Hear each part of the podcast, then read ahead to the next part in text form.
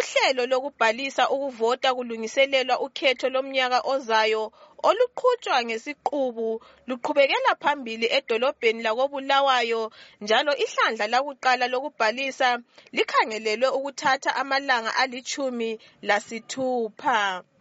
Inengi labantu libikwa libuyiselwa emakhaya ngoba bengela incwadi ezikhombisa lapho abahlala khona loba nje inkokheli zezek zisithi akulamuntu omele abuyiselwe emuva. Inhlanganiso elwela amalungelo oluntu eye abameli human rights lawyers network iyasisola kakhulu lesi senzo sokubuyiselwa kwabantu emakhaya bethi bazathatha inyathelo lokubona ukuba akulamuntu ozabuyiselwa emuva kusukela kusasa. Igqwetha elibona ngokuqhutshwa kwenhlelo e-abameli human rights lawyers network umnumzana tinei mukhwewa uthi izeki kumele ibone ukuba wonke umuntu uyabhalisa ngoba akusimfihlo ukuthi abantu abahlala emikhukhwini akulandlela zokuthi bathole isiqiniseko sekheli.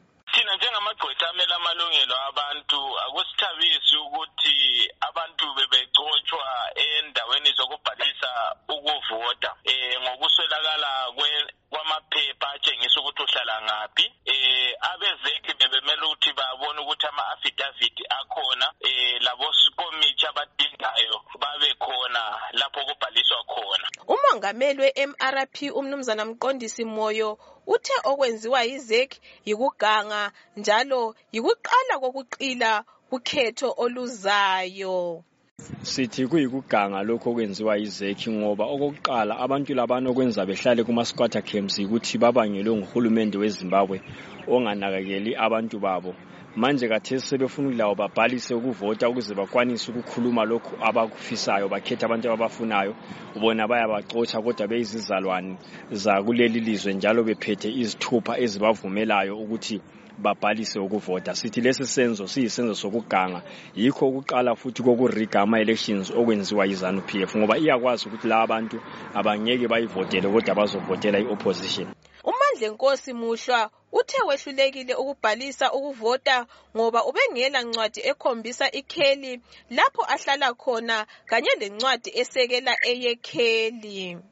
Eh ngibuyile ngifuna ukuzorejista so ngehlulekile ngenxa yokuthi bengilesithupha ngingela phepha lamanzi. Le-affidavit osakhulayo ucelani moyo osuka esilobela uthe esigabeni sakibo bakhangelele ukubhalisa kunyanga ezayo ethi ngendlela abantu ababuyiselwa ngakhona emadolobheni kukhombisa ukuba emakhaya kuzaba phambili. Eh ngikhulumela ebantwini besilobela kuthiwa bayafika ngonovember. So if kuyikuthi kuzabe kuzaba lama-challenges abe ezalungisiswa sikhathi bani njengoba ukurejista kuthiwa kuphelwa ngonovember. Olwela amalungelo oluntu umnumzana mbuso ofuzwayo uthe kulusizi ukuthi izek ibuyisela abantu emuva ngoba ayifuni abantu ukuba bayevota. Ethi abantu abalancwadi zamakheli ngoba uhulumende wabadilizela izindlu. Kulusizi ngoba um izeki iyacaca ukuthi ifuna ukuthi abantu bengavoti. I-wirelist kulilungelo lomuntu wonke ukuthi ezimbabwe abe ekhethe umuntu ombusayo. Abala ma-proof of residence ngoba badubeka so kabanikwe ithuba lokuthi bevotele umuntu oza uplifta impilo zabo ngoba uhulumende yena lo nguye esenze iningi labantu sangabe lendawo zokuhlala. Siyathatha ngapha ama-proof of residence ngoba ungazibuza namhlanje kudala abantu kodwa bethola amalona emabhenki besiyayakha izindlu. Kathesi there is a generation vele engasoze ikwanisa ukuba lezindlu zayo especially uma ingekho kuzayo. Kulandela ukubhalisa kutsha abantu ukuvota ngaphansi kohlelo lwe-bvr ukuze ikhomishini yezek ibe loluhlu lwabantu abazavota. Iningi labantu lithi uhlelo lolu luze ngesikhathi esihle kodwa ukubuyiselwa kwabantu emuva ngoba bengela ncwadi. Iyisiqiniseko sekheli eyalapho abahlala khona kuzakwenza kukhanye angathi uhlelo lolu lubi.